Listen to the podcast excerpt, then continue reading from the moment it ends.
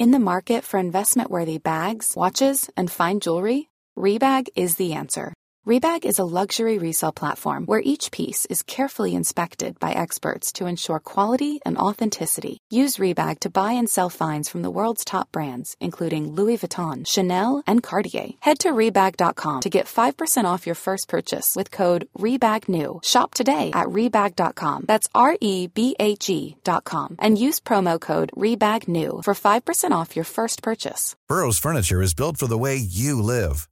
From ensuring easy assembly and disassembly to honoring highly requested new colors for their award-winning seating, they always have their customers in mind. Their modular seating is made out of durable materials to last and grow with you.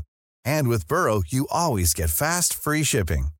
Get up to 60% off during Burrow's Memorial Day sale at burrow.com slash ACAST. That's burrow.com slash ACAST. burrow.com slash ACAST. This Mother's Day, celebrate the extraordinary women in your life with a heartfelt gift from Blue Nile. Whether it's for your mom, a mother figure, or yourself as a mom, find that perfect piece to express your love and appreciation. Explore Blue Nile's exquisite pearls and mesmerizing gemstones that she's sure to love. Enjoy fast shipping options like guaranteed free shipping and returns. Make this Mother's Day unforgettable with a piece from Blue Nile. Right now, get up to 50% off at BlueNile.com. That's BlueNile.com.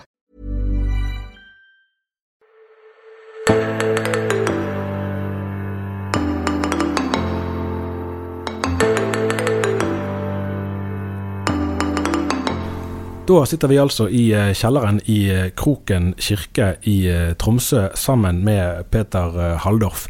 Du har nettopp holdt et foredrag for prester og kirkelig ansatte her i bispedømmet, der du bl.a. har snakket om klimatrusselen og om Kristushåpet, i tråd med din nyeste bok som ikke er kommet på norsk ennå. Si litt om denne tematikken. Eh, ja, eh, jag kan säga att min egen ingång i de här spörsmålen eh, har i väldigt hög grad varit läsningen av de hebreiska profeterna i den bibliska litteraturen. Eh, jag började 2012 en läsning, mycket för min egen personliga del, av profeten Jeremia. En närläsning. Jag hade länge önskat att få göra det. Och därmed också av den profetiska tradition som han är en del av. Den sträcker sig över tusen år. Eh, och jag ägnade mig åt det i stort sett dagligen under eh, sex års tid. Mm. Jag hade väl kanske inte tänkt mig att det skulle bli en bok på 800 sidor men framförallt så märkte jag hur det där satte sig i min kropp. På ett sätt som jag inte har kunnat skaka av mig riktigt. Eh, och det ledde också till att jag då de senaste två åren har försökt med, med, med nya ögon lyssna till vad är det forskarna säger idag när det gäller klimatförändringarna. Och det har utmanat mig ytterligare till en nyläsning av de bibliska texterna. Och framförallt då inom de två områden som på fackspråk kallas ekologi och eskatologi. Mm. Ekologi alltså den måte på vilken vi tänker på, talar om, lever på den här jorden. Eskatologi den måte vilken vi tänker på, talar om och förhåller oss till framtiden. Och det jag i all korthet försöker göra då i den bok jag har skrivit nu som ju är en liten efterskrift kan man säga till min större bok om Jeremia.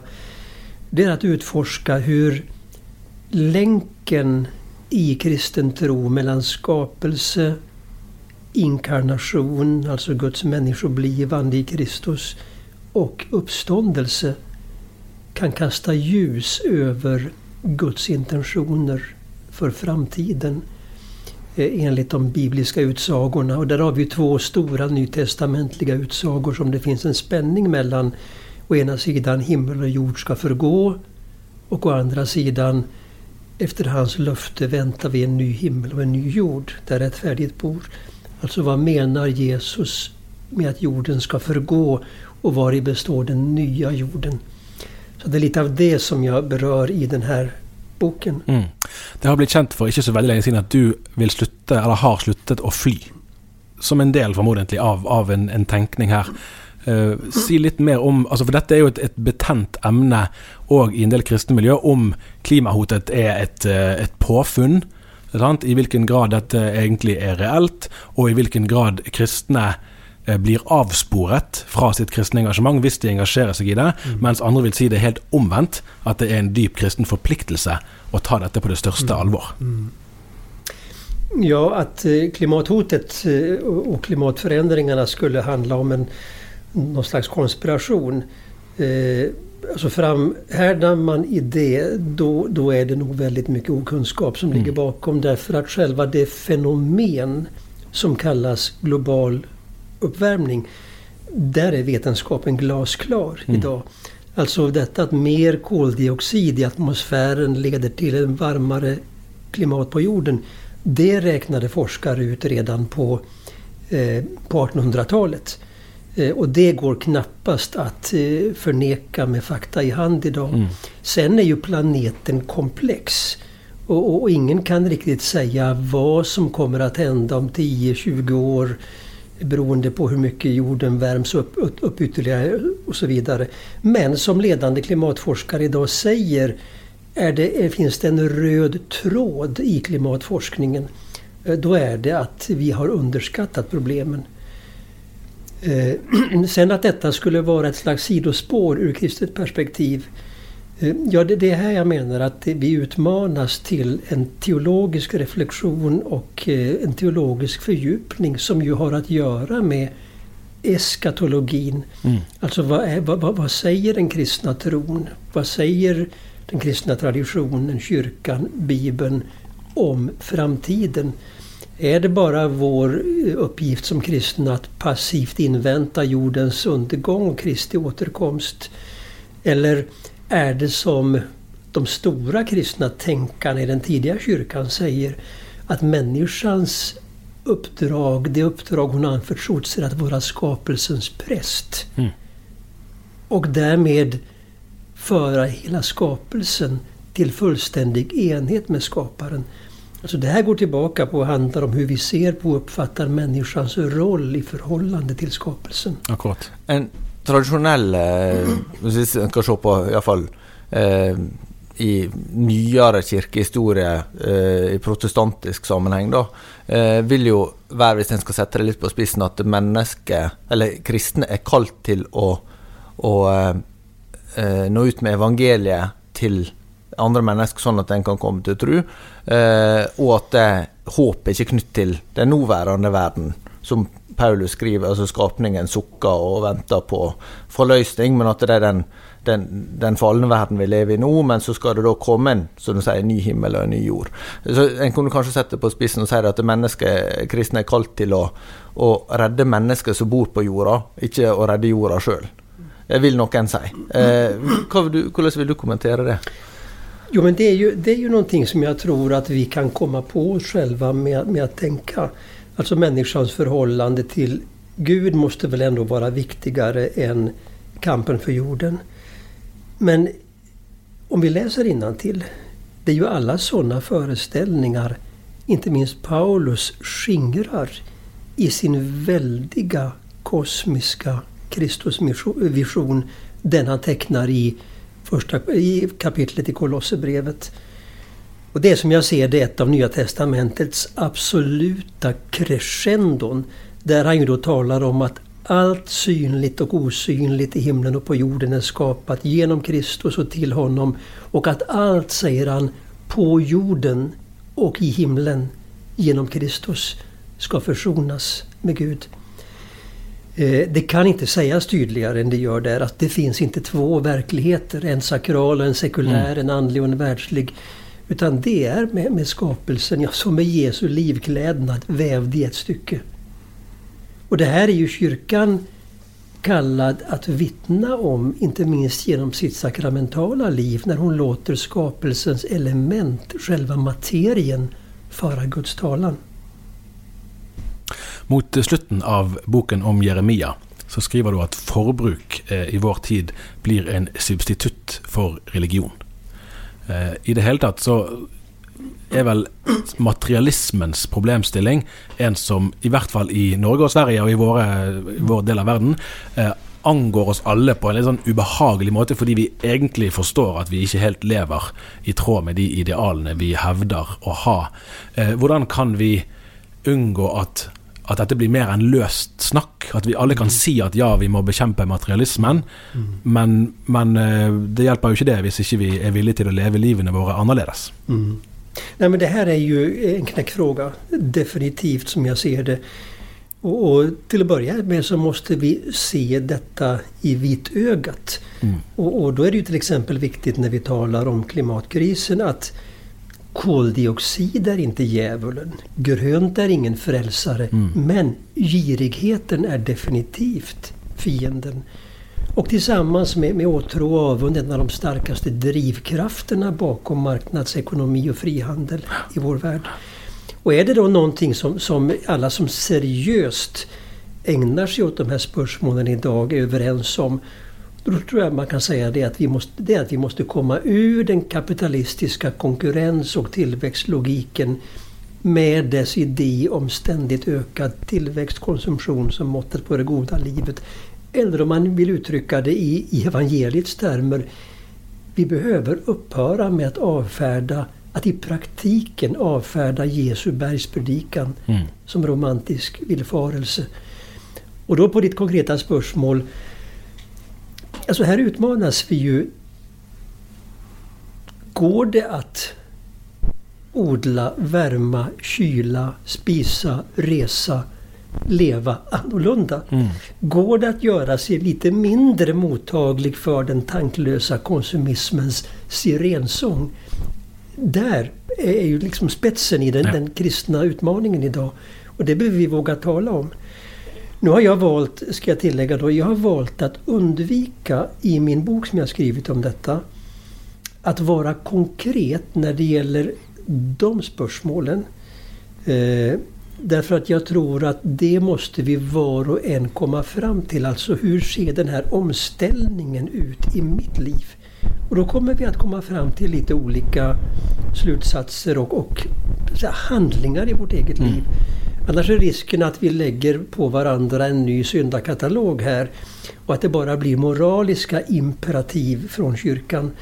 Eh, kyrkan och den kristna förkunnelsen behöver framför allt här stärka motivationen. Motivationen till att leva på en annan måte, att fatta andra beslut i hur vi lever. Och den motivationen behöver hänga samman med visionen av Guds värld. Akkurat. Torje nämnde jo det här med, med att en, en fra en del kristne hold vil være skeptisk til å engasjere seg i klimaspørsmål. Iallfall bruke veldig mye krefter på det. Fordi kanskje en ser på det som en sånn typisk liberal sak hvis kristne begynner å engasjere seg i klimaspørsmål, så er det tenkt på at da er ikke en så opptatt av misjon lenger. Da er, vil en måtte eh, være litt politisk korrekt og snakke om det som folk liker å høre om i vår tid. Særlig i amerikansk eh, kristenliv vil det være mange som, som er veldig skeptiske til å, å eh, tillegge sånne spørsmål noe særlig vekt. Eh, hvordan forstår du det? Hva, hva ser du som en forklaring på at folk har et sånt perspektiv? Det är inte svårt att se förklaringen till det. Och det hänger samman med vår teologiska tradition. Alltså, det, det är få bibelverser som har tolkats på ett så olyckligt sätt som den 28 versen i Bibelns första kapitel. Där det står Var fruktsamma föröka er, uppfyll jorden, lägg den under er.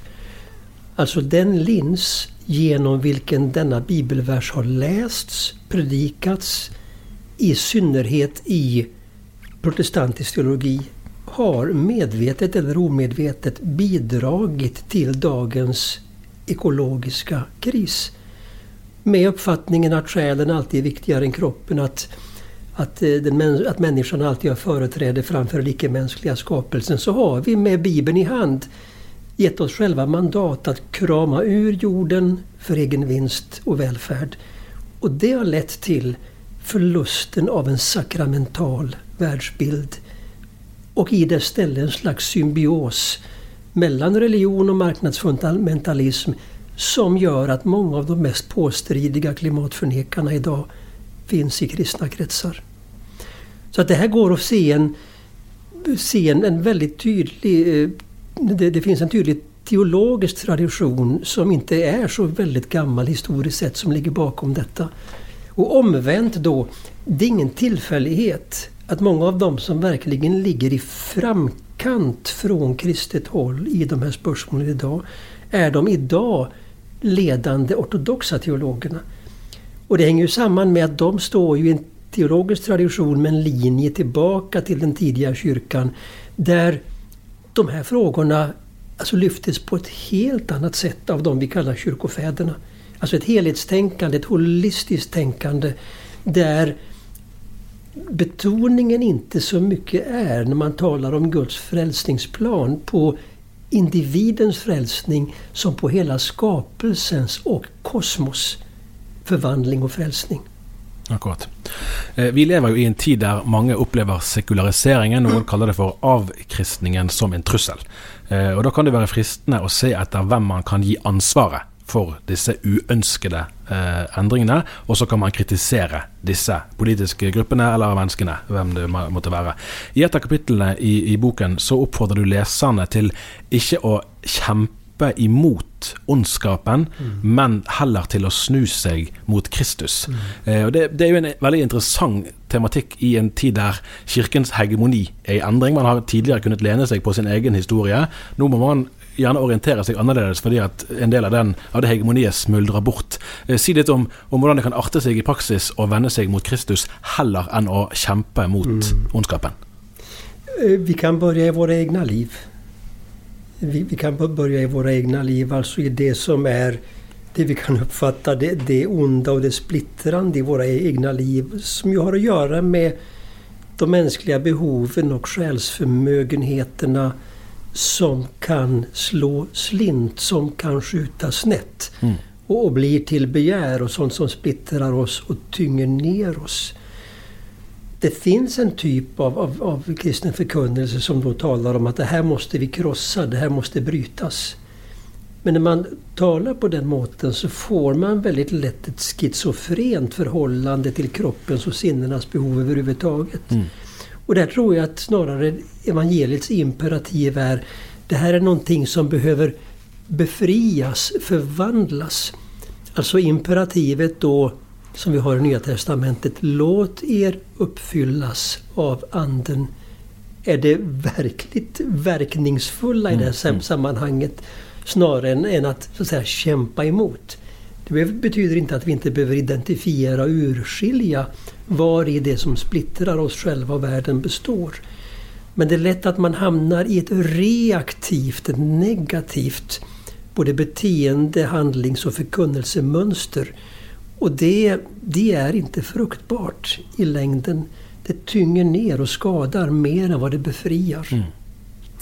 Du var inne på spørsmål om eh, eskatologi. Eh, det vil jo også bli brukt om lære om de siste ting, eller endetidsforståelse. Og eh, i protestantisk tradisjon finnes det jo forskjellige eh, forståelser eller eh, for dette her. Men eh, et ganske vanlig syn er jo at det blir vanskeligere mot slutten, på en måte. At du fram mot eh, forløsninga så vil det bli mer kamp og mer mørke i verden. Og en del vil jo se det som tar jeg nevner med avkristning, også i lys av det at nå blir eh, den kristne kirke sett under stadig mer press, og nå blir eh, forfølgelsen sterkere og sånn. Eh, hva tenker du om det?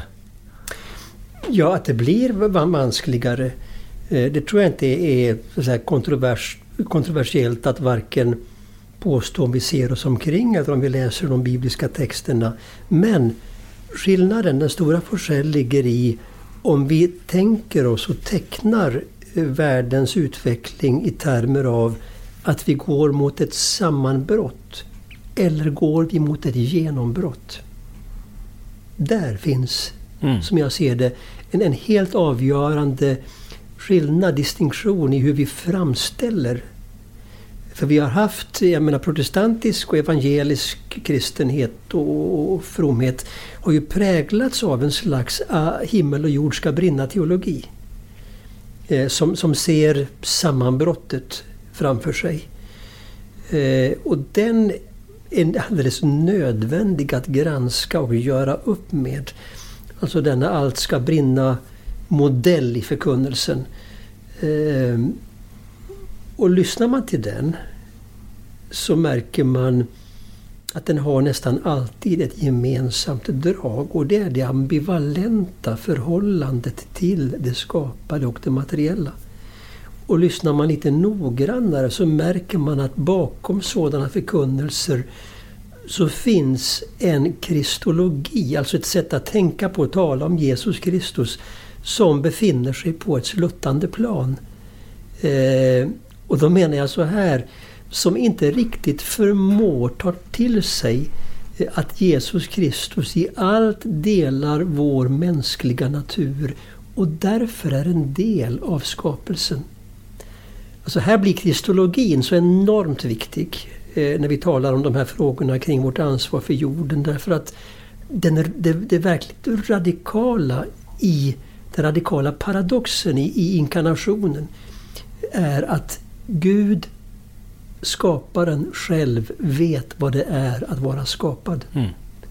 Och är det så, då kan det aldrig finnas någon rivalitet mellan skapare och skapelse. Och det här skulle jag önska att, att förkunnare, präster, pastorer, teologer reflekterade och samtalade mer om. Alltså hur kan vi rota frågorna om, om jorden, skapelsen, inte bara i tron på en skapare, men i kristologin. Att i kristologin har vi nyckeln till skapelsens logik. Men det är ju också ett bibelskt motiv med att att det ja, inte minst Johannes' uppenbaring med, med stor ödeläggelse och en sån dramatisk eh, ting som, som, ska ske. Då. Hur eh, finner du plats till det? For det, det, verkar ju till att vara en slags eh, ja, også i Jesus' sin endetidsforkynnelse, Matteus 24 f.eks., så, så er det jo veldig sterke bilder av hva som skal skje eh, i den skapte verden. Eh, som, som, ser ut å være en slags mm. eh, En fødsel, da, eller en eh, forløsning, men også at det, det, er en slags eh, Det er noe som blir ødelagt før noe nytt som oppstår, for å si det sånn. Mm. Eh, viktiga saker du, du, tar upp där och två saker tänker jag på då. Det ena är ju att det finns en, en kodfullhet och en mångtydighet i många av Alltså de, de eskatologiska talen, alltså Bibelns tal om tidens slut, eh, bilderna kring detta och så vidare. Och det tror jag delvis att det gör för att vi inte ska frestas att få allting på plats. Alltså det, det, är en stor frestelse när vi kommer in på frågan om eskatologin. Att man vill gärna ha allting på plats och till slut skapar vi liksom scheman med tidslinjer och så vidare. Ja, det finns då som du kan hänga på väggen till och med. Och det, det där har vi frestelsen ja. att kunna också då behärska och kontrollera framtiden. Och där är ju Jesus glasklar. Ingen känner detta, inte ens sonen, endast fadern. Det andra jag tänker på när du hänvisar till Jesu eskatologiska tal så är ju det intressant att han håller ju många av de talen eh, under den stilla veckan, alltså under veckan innan sin död. Och det, det är ju slående då hur dramatiken och skeendet kring eh, Jesu död och uppståndelse beskrivs i apokalyptiska termer i evangelierna. Alltså det är så, som att alltså jorden som skakar, eh, eh, ett mörker skänker sig över jorden, jordbävningar, gravar som öppnas och så vidare. Alltså det är som att redan här så sker en uppfyllelse av en del av det Jesus har talat om. Och i djupaste mening så handlar ju den kristna eskatologin inte om framtiden som sådan. Utan den utgår från en obestridlig historisk händelse, uppståndelsen, och förkunnar att den har ett försprång framför allt som vill beröva oss en framtid. Alltså i strikt mening, tidens slut har redan inträffat i kristen tro. I kristen världstolkning. Den inträffade när Kristus uppstod från de döda. Du har alltså skrivit en hel bok på norska. Den på 650 sider cirka? På svenska var det muligens noe. Det kommer på størrelsen på sidene i, i, trykken. Det er en ganske lang bok om profeten Jeremia. Eh, för for mange så er det jo ikke opplagt hvorfor skal vi skrive 600 sider, eller lese 600 sider om Jeremia i vår tid. Men et av poengene dine i boken er jo at forskjellen mellom hans liv og våre liv er langt mindre enn vi først eh, gjerne tenker. Og En av betraktningene du gjør innledningsvis, er jo at, at livet til, til flere av hans samtidige ytre sett endte i fiasko mm. og mm. knuste mm. drømmer. Mm. mm. Eh, for å begynne her, i, i, våre dager så er vi vant med at endringer skjer veldig fort pga. teknologiske muligheter som vi tidligere ikke ante fantes. Eh, hva gjør det med vår evne til å takle nedturer? Hvordan ville vi i dag møtt knuste drømmer og ytre fiasko? Eh, hvordan kan man stole på Gud eh, i vår det, tid? Det är ett väldigt, väldigt bra spörsmål. Eh, och här tror jag vi behöver föras tillbaka till ett perspektiv som påminner oss om att kyrkan finns inte i världen för att lyckas. Eh, för alla andra, ja, inom politik, näringsliv och så vidare, idrott eller vad vi talar om, så handlar det ju om att lyckas. Mm. Och jag skulle vilja säga, ur ett kristet perspektiv, så är det egentligen ganska ointressant. Eh, här, finns det, här finns det en liknelse som Jesus plockar in faktiskt mitt i de eskatologiska talen i tidens slut, om tidens slut. Där han berättar om mannen som kommer och ska summera sitt liv en dag. Och det spörsmål han får är icke Har du lyckats rädda jorden? Har du fått kyrkan att växa? Har du vunnit människor? Utan spörsmålet är helt enkelt Har du gjort det du ska? Alltså att göra, att vara trogen i det som anförtrotts en. Att göra det man uppfattar vara sant och rätt. Det i sig har alltid det höga värdet. Det andra, allt som har att göra med att lyckas och resultat, det är i Guds hand. Världen är i Guds hand. Vi ska inte lyckas rädda den, men vi ska gestalta tecken på hopp. Det är någonting helt annat. Du skriver òg eh, om, om, eh, den litteraturen som du, som du, behandler i boken, at både klage og tillit, fortvilelse og lovprisning finner plass i de tekstene. Eh, iblant så, så uh, kan jeg få en følelse av at Bibelens tekster er mer ærlige om livets opp- og nedturer enn ganske mange, eller mye av moderne forkynnelse våger å være. Ja, det, det har du nog helt rätt i. Bibeln är ju enormt uppriktig och osensurerad. Eh, när det gäller allt som människor bär inom sig. Det möter hos profeterna, inte minst hos Jeremia. Det möter inte minst i psalmernas bok.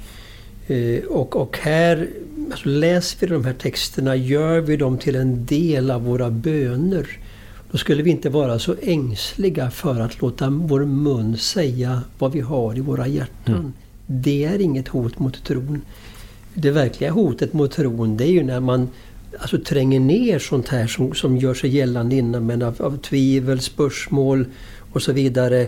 Av rädsla för att man ska vara otroende eller, oandlig. Det är ett verkligt hot emot tron därför att det leder oss in i det andliga rollspelet. Mm. Akkurat. Eh, du skriver òg mot slutten er det vel, av boken at sannhet og makt eh, lär lar seg aldri forene. Og Det er jo en, en sammenheng eh, om der du også skriver at vi som kristne trenger ikke å styre verden for å kunne påvirke den. Mm. Og Det er vel et trekk vi ser for så vidt i USA, som vi var innom i sted, men òg egentlig her. At vi, Det er en tendens at man ser etter kan vi få friends in high places, så kan vi få kristne mennesker mm. til å være statsminister, som vi hadde i Norge sant, med Kjell Magne Bondevik i sin tid, eh, eller lignende. At det skal liksom være sånn, det er et viktig, mm. en viktig beveggrunn for at da vinner kristendommen terreng. Her leser jeg en litt omvendt logik hos deg, hvis jeg mm. forstår det rätt. Mm. Jag har stor respekt för människor som eh, också utifrån sin kristna övertygelse engagerar sig eh, politiskt definitivt och jag tror att vi behöver det. Eh, så jag är inte emot det på något sätt. Men vi, vi, vi behöver genomskåda maktens väsen. Alltså det finns någonting i själva maktens väsen vars primära är, intresse är att behålla makten. Därför är det så ytterligt få eh, som, som eh, klarar av att hantera makten mm. utan att korrumperas av den mer eller mindre. Det kräver en, en alldeles särskild mognad och vishet, tror jag, att kunna hantera makten. Det finns exempel på naturligtvis de som har gjort detta men vi, vi måste vara väldigt klara över att maktens, i maktens väsen ligger detta att eh, till varje pris behålla sin makt. Eh, och för kyrkan definitivt eh, har det visat sig gång på gång genom historien förödande när hon hamnar i, en, i ett samhälle och i en kultur i en, i en maktposition. Du nevner eh, samfunn og kultur. og no, Mange vil jo si at noe av det som kjennetegner vår tid, er at mennesket dyrker det skapte, og, ikke, og glemmer skaperen. Mm. Og eh, jeg hørte en eh, norsk eh, politisk eh, journalist som kommenterte sånt klima i vår, eller naturen i vår tid, vår religion, mm, mm, mm. og at klimaengasjementet får nesten noe religiøst over seg for en del. Mm, mm, Greta Thunberg har vært omdiskutert, som du vet, fra ditt, fra ditt heimland. hvordan vil du tenke der om forholdet skaperen og det skapte? Tack för att du tar upp spörsmålet. Därför att återigen till kristologin, alltså nyckeln är Kristus. Och då menar jag så här i relation till ditt spörsmål. Om vi kan hålla fast vid att Kristus på samma gång tillhör den skapade verkligheten och den oskapade verkligheten. Då tror jag att vi kan hitta en väg mellan ytterligheterna. Och här är då den ena ytterligheten dualismen. Som, som gör en åtskillnad mellan skapare och skapelse så skarp många gånger att det skapade förminskas och världen föraktas. Den andra ytterligheten är panteismen som suddar ut gränsen mellan skapare och skapelse så att det skapade börjar dyrkas. Så att orienteringspunkten menar jag för en kristne är alltid inkarnationen som hjälper oss att undvika både en destruktiv pessimism och en naiv optimism i förhållande till omvärlden. Akkurat. Da vil jeg gjerne til slutt stille et litt personlig spørsmål, og da må du se hvor mye du vil si. Eh, Når vi snakker om sekularisering og mange trender i kulturen som beveger seg i ulike retninger, så er det jo alltid en fristelse å skylde på noen andre enn oss sjøl. At problemet ligger hos andre. Eh, noe av det som har kjennetegnet eh, den lavkirkelige bevegelsen i Norge, som bl.a. Dagen sprang ut fra, er jo det personlige andaktslivet. At dette, det er ikke bare et spørsmål om hva presten sier, men det er et spørsmål om hva jeg sjøl eh, tenker og tror og sier og gjør. Eh, kan du bare si litt helt konkret hvordan, hvordan ditt eget, eh, altså din åndelige rytme, ditt andaktsliv, arter seg fra dag til dag? Ja, för mig har det, har det varit eh, så oerhört rikt och betydelsefullt att ha kommit i kontakt med den, den eh, traditionella, den klassiska tidebönstraditionen som jag har levt i och med nu i, i, i många år. Alltså det här att dagen och dygnet perforeras med korta tider för bön. Mm. Ehm, och också den, den ekumeniska kommunitet som jag är en del av så har vi ju en regel som vi följer. Ja. Eh, och det är liksom, en regel, det är alltså en, en rytm? Ja, en rytm. Och, ja. och som, som det konkreta som vi förpliktar oss och ger löfte att följa. Som handlade om att be minst en daglig tidebön, att fira mässan varje vecka, att, att ha en årlig retreat när man, man drar sig tillbaka. Och det, det är också det som jag naturligtvis lever i och mm. följer. Mm. Men eh, styrkan i den här rytmen och tidebönerna är ju att det är en bön som i väldigt hög grad bär mig. Mm. Snarare än att jag ska bära bönen.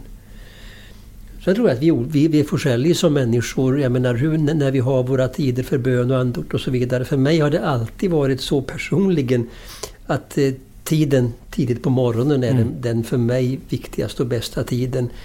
För någon annan kan det vara så att man hellre så att säga, som, som Edin Lövås brukade säga, packar kappsäcken kvällen före. Ja, och det är, ingen, det är liksom ingen, ingen värdering i, i, i, i förhållande till det ena eller det mm. andra, eller motsatsförhållande. Men när du spör så, så är det mitt, spörsmål, mitt svar.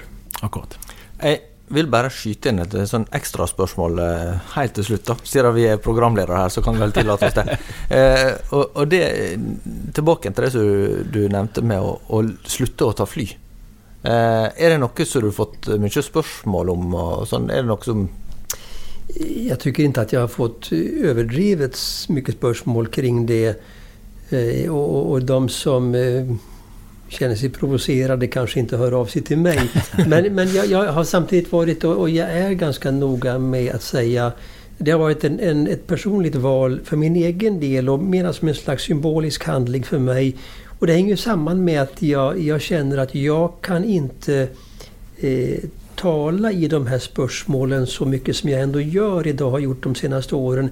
Om jag inte på forskjellige måte också låter det få konsekvenser i mitt liv. Mm. Eh, men jag är noga med att inte lägga det på andra.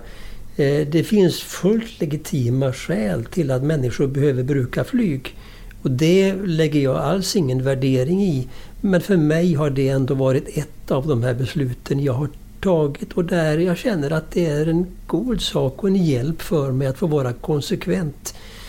Jag upplever inte heller det som ett offer utan det är ju bara en bonus egentligen med de långa tågresorna. Mm. Och till, till Tromsø måste du kanske ta buss på slutet? Eller? Buss de sista fyra timmarna ja. men det var ju en underbar färd. Ja, riktigt, riktigt. Utmärket. Många tack. Stort tack.